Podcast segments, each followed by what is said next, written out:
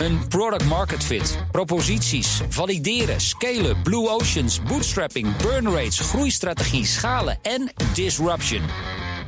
Zijn dit nou termen waar jij iets mee hebt? Dan zou ik zeker luisteren naar het groeiprogramma van de Nederlandse radio. Baanbrekende businessmodellen. Elke woensdag tussen half 2 en 2 op BNR en altijd online als podcast. Baanbrekende businessmodellen wordt mede mogelijk gemaakt door Salesforce. Verenig je rond je klant met Salesforce. Beleggerspanel. De rentebesluiten van de ECB en de Fed doen pijn op de beurs. En Bitcoin verloor ook vandaag weer 10% aan waarde. Dat en meer bespreek ik in het beleggerspanel. En daarin zitten Marco Groot van E deze week. En kijkt u ook alle vooral op de website marcogroot.com. En Lodewijk van der Kroft, partner bij beleggingsonderneming Comgest. Welkom. Dankjewel. Dank je.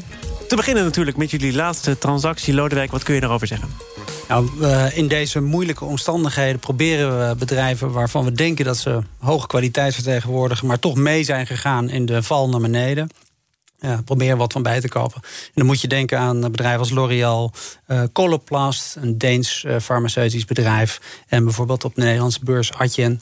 Omdat we denken dat het met die winstgroei niet zoveel mis is. En dat wat we op de beurs op dit moment zien niets anders is dan een reflectie van die veranderde inflatie en renteverwachting. Maar die weten zich daar dan dus toch niet helemaal aan te onttrekken. Die kunnen niet aan de malaise ontsnappen. Maar onderliggend zit het eigenlijk wel goed.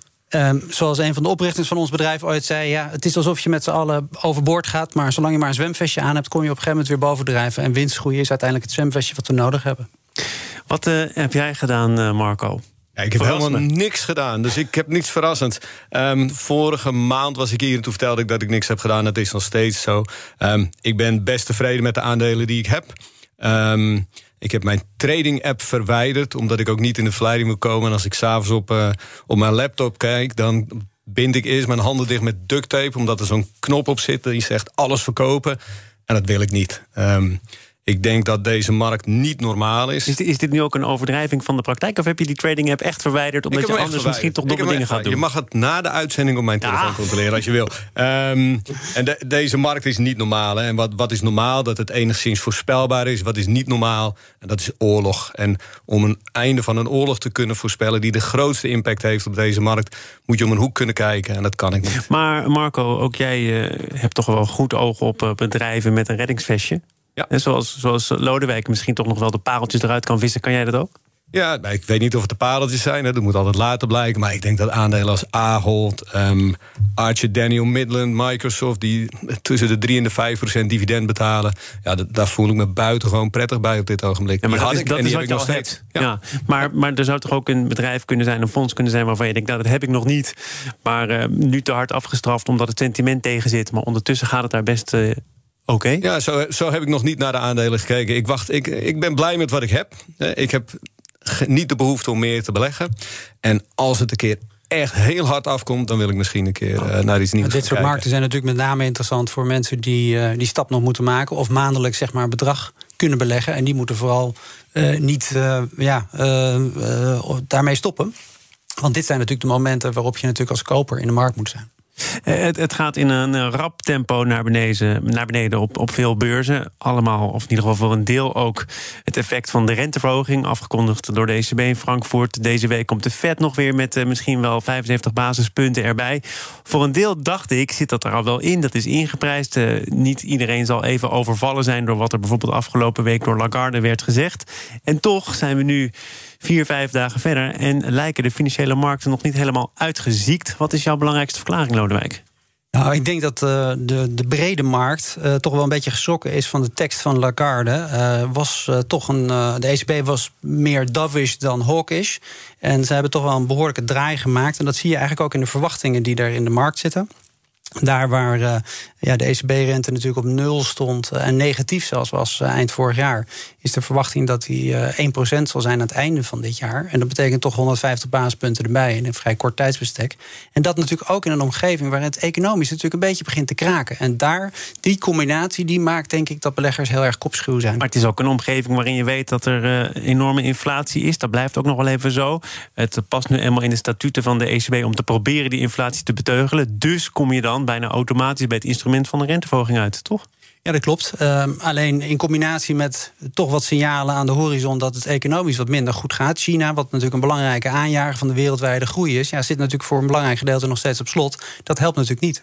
Valt het jou uh, tegen of juist mee, die reactie op de beurs? Ik, ik zou in eerste instantie zeggen dat het me iets tegenviel. Hè, omdat het redelijk tegemoet komt aan wat de markt verwacht had. Als ik in Amerika kijk nu, dan wordt er tot september zelfs 175 basispunten aan renteverhogingen ingeprijsd. En dat zie je alleen terug in de swaps. Dus dat, dat is best stevig. Wat mevrouw Lagarde zei was vooral stevig in, hey, pas op. En ja, het, het kwam toch iets harder aan dan ik verwacht had, eerlijk gezegd. Ik had gedacht dat de markt al, al slimmer en verder was. Te meer omdat slimmer is niet aardig om te zeggen. Dus die trek ik, uh, die trek ik weer terug. Nee, je moet de markt er niet uh, beledigen. Hier. Nee, precies. Hè. Eh, de markt heeft altijd gelijk. maar ook um, afgelopen week waren zeven van de acht aandelen in Amerika lager vorige week. En gisteren zagen we exact hetzelfde effect in Europa ontstaan. Dus dat betekent dat er in de breedte verkocht wordt.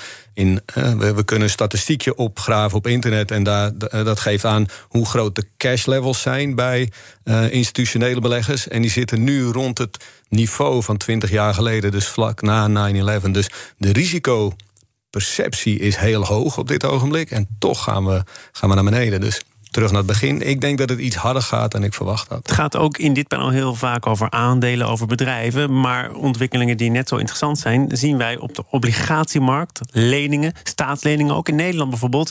Voor het eerst sinds tijden boven de 2% Lodewijk. Wat zegt dat? Nou, dat we een unieke situatie meemaken, niet zozeer in, Nederland, maar internationaal op die obligatiemarkt. Dat we voor het eerst sinds decennia, of sinds dat het gemeten wordt, in een bear market zitten voor obligaties. En een bear market wil zeggen dat je 20% onder je oude hoogtepunt eh, noteert. En dat is voor obligaties vrij uitzonderlijk, want dat is eigenlijk nog nooit voorgekomen, dit soort enorme uitslagen. Nou. Wat kun je daaruit afleiden? Wat zegt dat nou eigenlijk? Nou, dat het ruime monetaire beleid wat we de afgelopen jaren hebben gehad, echt wel heel extreem was. En dat de stap die we nu zetten naar normalisering al leidt tot dit soort uitslagen. Moeten we dat dan achteraf constateren? Kijk, ik heb het eh, geluk gehad dat ik het afgelopen jaren dagelijks heb gesproken met iemand, Kees de Kort, ere wie ere toekomt, heeft gezegd: dit kan zo niet doorgaan. Probeer nog maar eens uit de fuik terug te zwemmen. Nou ja, blijkbaar kan dat dus niet zonder heel veel pijn leiden. Ja, ik denk dat er e- één factor uh, heel zwaar meetelt. En dat is dat er in ene een, een oorlog is. op een manier die we nooit meer verwacht hadden. En dat creëert heel veel angst. En angst zorgt ervoor dat we terugbewegen naar het enige wat we zeker kennen. En dat is geld op de bank of geld in je hand. Dus ook obligaties worden, worden heel hard verkocht. In combinatie met het feit dat zowel in Amerika als in Europa... We hadden eerst QE, quantitative easing... nu gaan we naar quantitative tightening toe. Dus in ene is die hele grote onnatuurlijke koper... die altijd in de markt was en altijd bereid was... om alles tegen iedereen te kopen in de rentemarkt... die is er niet meer. Dus wat er nu gebeurt, wat je nu ziet gebeuren, is dat er toch wel degelijk een serieus alternatief is voor beleggen. Hè? Heel vaak is dat natuurlijk uitgemunt in die term TINA. There is no alternative. Die mhm. alternatieven die zijn nu weer voorhanden we gaan nu andere dingen doen. Zelfs, zelfs op een bepaald moment je spaarrekening wordt weer interessant. Ja, Tara is dat, hè? There is a real alternative, geloof ik dat dat oh ja, nu hebben we een nieuwe meisjesnaam.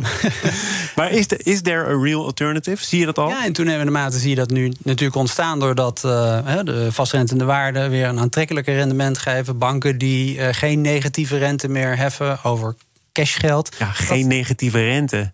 Ja, eh, eh, kijk, het probleem natuurlijk, in, ja. in reële termen gaan mensen natuurlijk nog steeds op uh, achteruit. Alleen gevoelsmatig is het toch anders dan als je de bankrente moet betalen voor geld wat je daar hebt gestald. Maar als de inflatie 8% is en je krijgt op je spaarrekening, laten we zeggen, nul, nul ja, dan, is er nog steeds sprake van ontwaarding, toch? Ja, en dan is het natuurlijk op de lange termijn is het aantrekkelijker om in aandelen te zitten. Maar als je dat dan net uh, in deze storm uh, meemaakt, dan denk ik dat je toch een beetje kopschuw wordt. Is there a real alternative, Marco?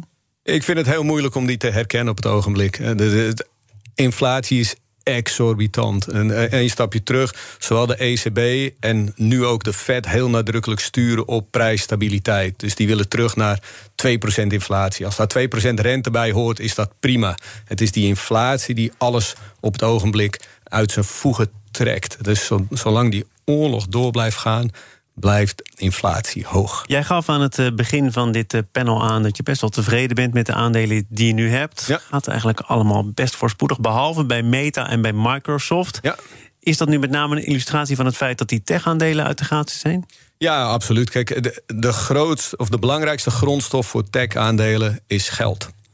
En dat geld was gratis. Grondstof was gratis. Normaal gesproken kost kapitaal voor een bedrijf in, in de mix tussen eigen vermogen en vreemd vermogen. Nou, wat zullen we zeggen, Lodewijk? 7, 8 procent? Ja. En het was de laatste jaren 2, 3 procent. Waarbij equity misschien 2 procent kostte en schuld bijna niets. Die grondstof waar je omzet mee kan kopen als groeibedrijf, die gaat in ene geld kosten. Dus op het moment dat die geld gaat kosten, dan gaat je cashflow naar beneden, dan gaat de draai van groei naar winstgevendheid een paar jaar vooruit. En dat betekent dat je koers een paar jaar teruggaat. En dat is het effect wat we nu zien in de techmarkt. En als je nu zeker wil zijn dan, of relatief zeker, dan kom je dus uit bij, ik noem maar wat, big pharma, bij oliebedrijven, bij traditionele waardeaandelen ja, dat dividenduitkerende bedrijven. Om even terug te komen op Marco's opmerking. Kijk, Microsoft is een winstgevend bedrijf. Dus uiteindelijk denk ik dat dat wel los gaat lopen. Kijk, de contante waarde van die toekomstige winstgroei van Microsoft... dat die nu vandaag de dag iets minder waard is dan dat hij een jaar geleden was... dat wil ik wel geloven. Of de koers van Microsoft daarom 25% eh, onderuit moet... Ik denk dat het een beetje overdreven is daar, dat komt wel weer terug. Alleen dat geldt misschien niet voor al die technologiebedrijven die geen winst hebben gemaakt de afgelopen jaren, omzet hebben gekocht, zoals Marco aangaf, met gratis geld. En die voelen met name natuurlijk de huidige druk. Laten we het dan maar hebben over wat uh, significanter uh, schommelingen in de koers. BNR Nieuwsradio. Zaken doen. Thomas van Zeil. De bitcoin daalde gisteren met 18%, wordt ook vandaag weer afgestraft. Redenen om dat eens goed te bespreken met de leden van ons beleggerspanel... Marco Groot, Lodewijk van der Kroft. Marco, je hebt het volgens mij nu onder de knop. Hè? Wat is de actuele waarde van de bitcoin? Ja, toen ik hier naar binnen liep, zag ik uh, eh, 21.900 in euro's. Maar ja, dat is al wel 10 minuten geleden. Ja, ja dus het kan zomaar weer een paar procent 22.300. Ja, ja, ja, wie weet. er is Minder dan gisteren, al, laten we dat al heel veel aan de hand rondom cryptomunten. Het nieuws van deze week is dat de cryptobank Celsius... voor nog meer olie op het vuur zorgde... door te goede te bevriezen vanwege liquiditeitsproblemen. Angst voor een mm bankrun. Uh, laten we daar maar even beginnen, Lodewijk. Want wat speelt daar? Wat doet die cryptobank precies?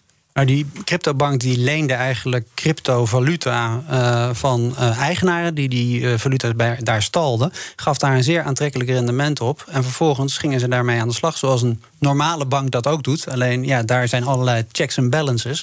Dat ze dat geld niet zomaar weg. Ja, en het ging om stevige rentepercentages. Je kon daar dus je, je, je bitcoin ja, uit, uitlenen. En dan gingen zij dat weer bij de bank nog weer eens aan investeerders aanbieden met nog weer andere rentepercentages.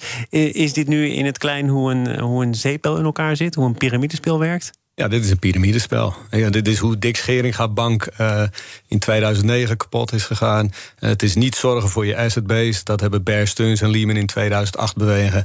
Bernie Madoff heeft een hele, hele kwalijke versie daarvan... in zijn eigen voordeel kunnen uitvoeren. Het zijn wel, het zijn wel vergelijkingen die je trekt. Ja, maar het is ook heel, heel erg waar. Ja, het klopt niet. Het klopt gewoon niet. Weet je, het gaat goed zolang koersen stijgen... maar op het moment dat koersen dalen... dan moet je wel zorgen dat je voldoende geld in je kluis hebt liggen... om, om, om de dip aan te kunnen. En we, we zien het nu weer, dat ook bij Celsius uh, gebeurt dat ook.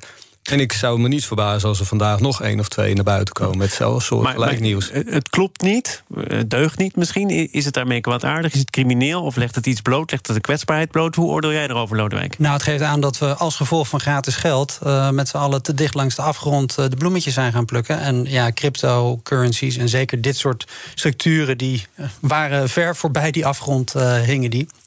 En ja, dat zijn natuurlijk de partijen die het eerste nu last gaan ondervinden van het uh, feit dat iedereen zijn risico terug wil brengen en daarmee ook uh, ja, uh, zijn geld terug wil hebben. En dat is dan nu een probleem. En, en wordt dit een uitslaande brand of, of, valt het allemaal wel mee? De ECB heeft een week of twee, drie geleden gewaarschuwd voor andere delen van de economie die langzamerhand toch in contact komen, in verband staan met de cryptowereld. Pas daarvoor op, hè. institutionele beleggers, onder andere banken. Ja, ik denk dat dat effect nog wel beperkt zal zijn. Ik denk dat uh, crypto's uh, zich beperken tot een vrij kleine groep van uh, adepten. En, en, dat er vervolgens een hele grote groep mensen is die een heel klein beetje heeft om, om mee te kunnen spelen en mee te doen in de locker room talk. maar ik verwacht niet dat het een heel groot effect zal hebben op de wereldeconomie. Nou, jij speelt ook een beetje mee om, om gevoel te hebben voor wat er in die wereld gebeurt. En om er een spijkerharde column over te schrijven. Allemaal te lezen op marcogroot.com. Dankjewel Ja, zeker. Ja, dat zal zometeen weer een piek zijn in de bezoekersaantallen. Maar, maar jij ordert er wel echt heel erg spijkerhard over. Hè? Het, het klopt gewoon niet, het deugt niet, er moet opgetreden worden. Wat zijn jouw fundamentele bezwaren? Uh, mijn fundamentele bezwaar is vooral dat uh, de hele crypto-community is gebaseerd op nieuwe technologie, saamhorigheid, openheid, et cetera. En we hebben nu bij Tether gezien dat hij geen openheid gaf aan een accountant. Dat bij uh, eh, UST Luna dat er niet genoeg geld in de kluis zat om het systeem te backen. En bij Celsius zien we nu dat, heel simpel gezegd, je belooft een heel hoog rendement. En aan de andere kant van het rendement mag je heel veel leverage in je account stoppen. Dat, zolang het rendement hoger is dan je leverage, kom je daaruit. Maar op het moment dat het even tegen zit, klapt het systeem in elkaar. Dus je moet duidelijk zijn in wat je doet en je moet kunnen vertellen wat je doet. Als maar dan je niet... zeggen de goeden die actief zijn in deze wereld: reguleer ons. Stel hier paal en perk aan en dan zal de wereld een betere plek worden. Kun je dit reguleren? Ja, absoluut. Jullie hebben hier volgens mij recent een aantal van die... die meneer die de cryptobeurs probeert te reguleren gehad. Dat vond ik een hartstikke goed interview. Die zegt, joh, kom maar binnen bij ons. Wij, wij laten je zien wat er gebeurt. Maar er zijn meer projecten en meer handelsplatformen... die niet bereid zijn om die openheid te geven... dan die meneer die bij jullie in de uitzending was en die dat wel doet. Ja, dat vind ik heel kwalijk. En, en wat doet dit nu met uh, het animo onder beleggers? Ik sprak voordat jullie binnenkwamen met de directeur van het Nibud. Sprak zijn zorg uit over het feit dat er toch heel veel jongeren ook zijn die denken: ja, ik uh, kan zo meteen geen huis kopen. Ik moet toch op een bepaalde manier aan mijn vermogen denken. Ik moet iets proberen op te bouwen. Nou, weet je wat? Ik heb interessante dingen gehoord over rendementen via cryptomunten. Zijn die mensen, denk je, nu genezen? Uh, nou, ik denk dat die op dit moment nog eerst een uh, wonden aan het likken zijn. En uh, ja, het enige wat je kan hopen is dat je leergeld betaalt op jonge leeftijd met een relatief klein bedrag. In absolute zin, althans. Um, maar ik ben bang dat het eh, beter is om heel in die hele saaie aandelen van Marco te gaan zitten dan in die crypto's. Maar zeg jij, mits gereguleerd, kun je toch het risico wel nemen om erin te stappen? Nou, het hele idee van crypto's is natuurlijk dat er een alternatief voor de valuta, voor de normale valuta's is, die door centrale banken worden beheerd. En nu blijkt weer eens een keer dat misschien dat toezicht uh, niet zo slecht is. Dus het is een beetje schizofreen. Om... Ja, het is nogal schizofreen. Want als je dus nu uiteindelijk weer gereguleerd wil worden, ja, dan word je eigenlijk zoals een gewone valuta. En als je kijkt naar de valutamarkt, dan is die lang niet zo volatiel als dat de cryptomarkt is. Dan is de lol er vanaf om erin te gaan handelen voor de meeste mensen. Nog heel kort nog een, naar een andere boosmaker voor veel mensen. Namelijk de flinke beloningen voor de top van Booking.com. Weggestemd door aandeelhouders. Een pakket van 50 miljoen uh, euro ging het om. Ik denk dollar, zelfs voor de CEO Glenn Vogel. Er waren andere bestuurders die ook nog wat uh, bonussen te goed hadden. Want daar ging het om, Marco. Er werd gerepareerd, gecompenseerd voor eerdere bonussen... voor een deel 2018, 2019. Ja. Bonussen in aandelen. Nou, die aandelen van Booking... Die, ze hebben ook een vogelvlucht naar beneden meegemaakt. Dus was het tijd om dat uh, in dit bonussenpakket dan toch maar mee te nemen. Is daar iets voor te zeggen? Nee, maar goed, ik, ik ben iets bescheidener ingesteld dan, uh, dan de mensen die bij boeken aan de top zitten. Jij redt het ook wel zonder miljoenen bonus. Precies, weet je. En ik vind, ik, ik snap niet zo goed wat het verschil is tussen 10 miljoen en 50 miljoen. Sterker nog, ik snap niet zo goed wat het verschil is tussen 5 en 50 miljoen. Als deze meneer hier nog jarenlang wil werken en wil bouwen aan het bedrijf. Ik snap, ik nou, vind dat het aan de absolute waarde voorbij gaat. Eerdere discussies gehad in Nederland, met name rondom Philips. Hè, waar uh, commissaris op een bepaald moment zeiden: ja, er is een koppeling tussen de bonussen voor het bestuur en de bonussen voor medewerkers. En die structuur die houden wij graag in eer, omdat het van belang is dat talent ook binnen dit bedrijf blijft werken. Lodewijk, als je er op die manier naar kijkt, stel die koppeling bestaat, is nou, dan, dan wel te verantwoorden? Dan zou ik heel graag willen zien hoe dat bonusgebouw van Booking voor de rest eruit ziet. Want uh, als je naar me kijkt naar uh, Booking over de afgelopen jaren, hebben ze duizenden mensen hebben ze ontslagen in de periode dat ze ze even niet meer nodig hadden. En eerder dit jaar hebben ze aangegeven dat een groot gedeelte van hun callcenter ook uitbesteed gaat worden. Dus ja, ik heb niet het idee dat iedereen binnen Booking eh, meedoet in hetzelfde piramidegebouw eh, eh, qua bonussen als de top dat doet. Nou, waarom je het dan wel zou doen, ja, dat komt toch voor een deel weer terug op behoud van talent. Sterk leiderschap wordt genoemd. Een bonus die past bij deze bedrijfstak, bij de omvang van de onderneming. En misschien dachten ze daar ook wel, we komen hiermee weg. Want er is de afgelopen jaren niet of nauwelijks verzet geweest tegen die bonus. Dit is de eerste keer dat die aandeelhouders zeggen tot hier en niet verder. Ja, je ziet dat er in toenemende mate verzet is van aandeelhouders. Ook een klein beetje hypocriet, omdat met name institutionele beleggers moeten rapporteren hoe ze tegenwoordig stemmen. En het staat natuurlijk goed als je hebt tegengestemd bij dit soort zaken. Ook al weet je dat je er geen bal aan kan veranderen. Ja, dat veranderen, dat zit hem bij de keuzes voor de commissarissen. Want dat zijn de mensen die natuurlijk uiteindelijk die bonussen voorstellen.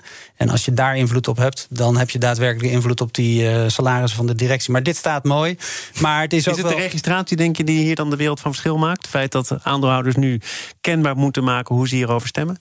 Ik denk dat de aandeelhouders uh, steeds beter begrijpen wat de mogelijkheden zijn van hun stemrecht. En ik vind, ja, ik vind dit een hele, hele mooie. Ik bedoel, uiteindelijk is Booking.com een mensenbedrijf. En als je één meneer vijf wat was het? 50 miljoen hadden we het over, hè? Ja, miljoen. 10. Ik heb vandaag even gekeken. De, de slechts betaalde medewerkers bij Booking verdienen 30.000 dollar. En als je een senior level zit uh, in het bedrijf, dan verdien je ongeveer 100.000 dollar. Dat betekent dat je 5.000 mensen binnen dit bedrijf aan de slag had kunnen houden. Had je minder hoeven reorganiseren als je de helft had genomen, 25 miljoen. En had je 2.500 mensen extra in huis kunnen houden om je topline te stimuleren. Ik, ik vind dat nogal keuzes. Marco Groot van Eat Deze Week, bekend van marcogroot.com... en Lodewijk van der Kroft van Comgest. Dank voor jullie bijdrage aan dit beleggerspanel. Graag gedaan. Beleggerspanel wordt mede mogelijk gemaakt door Annexum. De aanbieder van vastgoedfondsen voor particulieren. Heb je ook, naar aanleiding van onder andere dit panel, meer interesse in crypto? Dan is de CryptoCast van BNR misschien ook wel iets voor jou. Luister hem vooral via je favoriete podcastkanaal. Zometeen hoor je Bernard Hammelburg over de oorlog in Oekraïne. Een product market fit, proposities, valideren, scalen, blue oceans, bootstrapping, burn rates, groeistrategie, schalen en disruption. Zijn dit nou termen waar jij iets mee hebt? Dan zou ik zeker luisteren naar het groeiprogramma van de Nederlandse radio. Baanbrekende businessmodellen. Elke woensdag tussen half twee en twee op BNR en altijd online als podcast. Baanbrekende businessmodellen wordt mede mogelijk gemaakt door Salesforce. Verenig je rond je klant met Salesforce.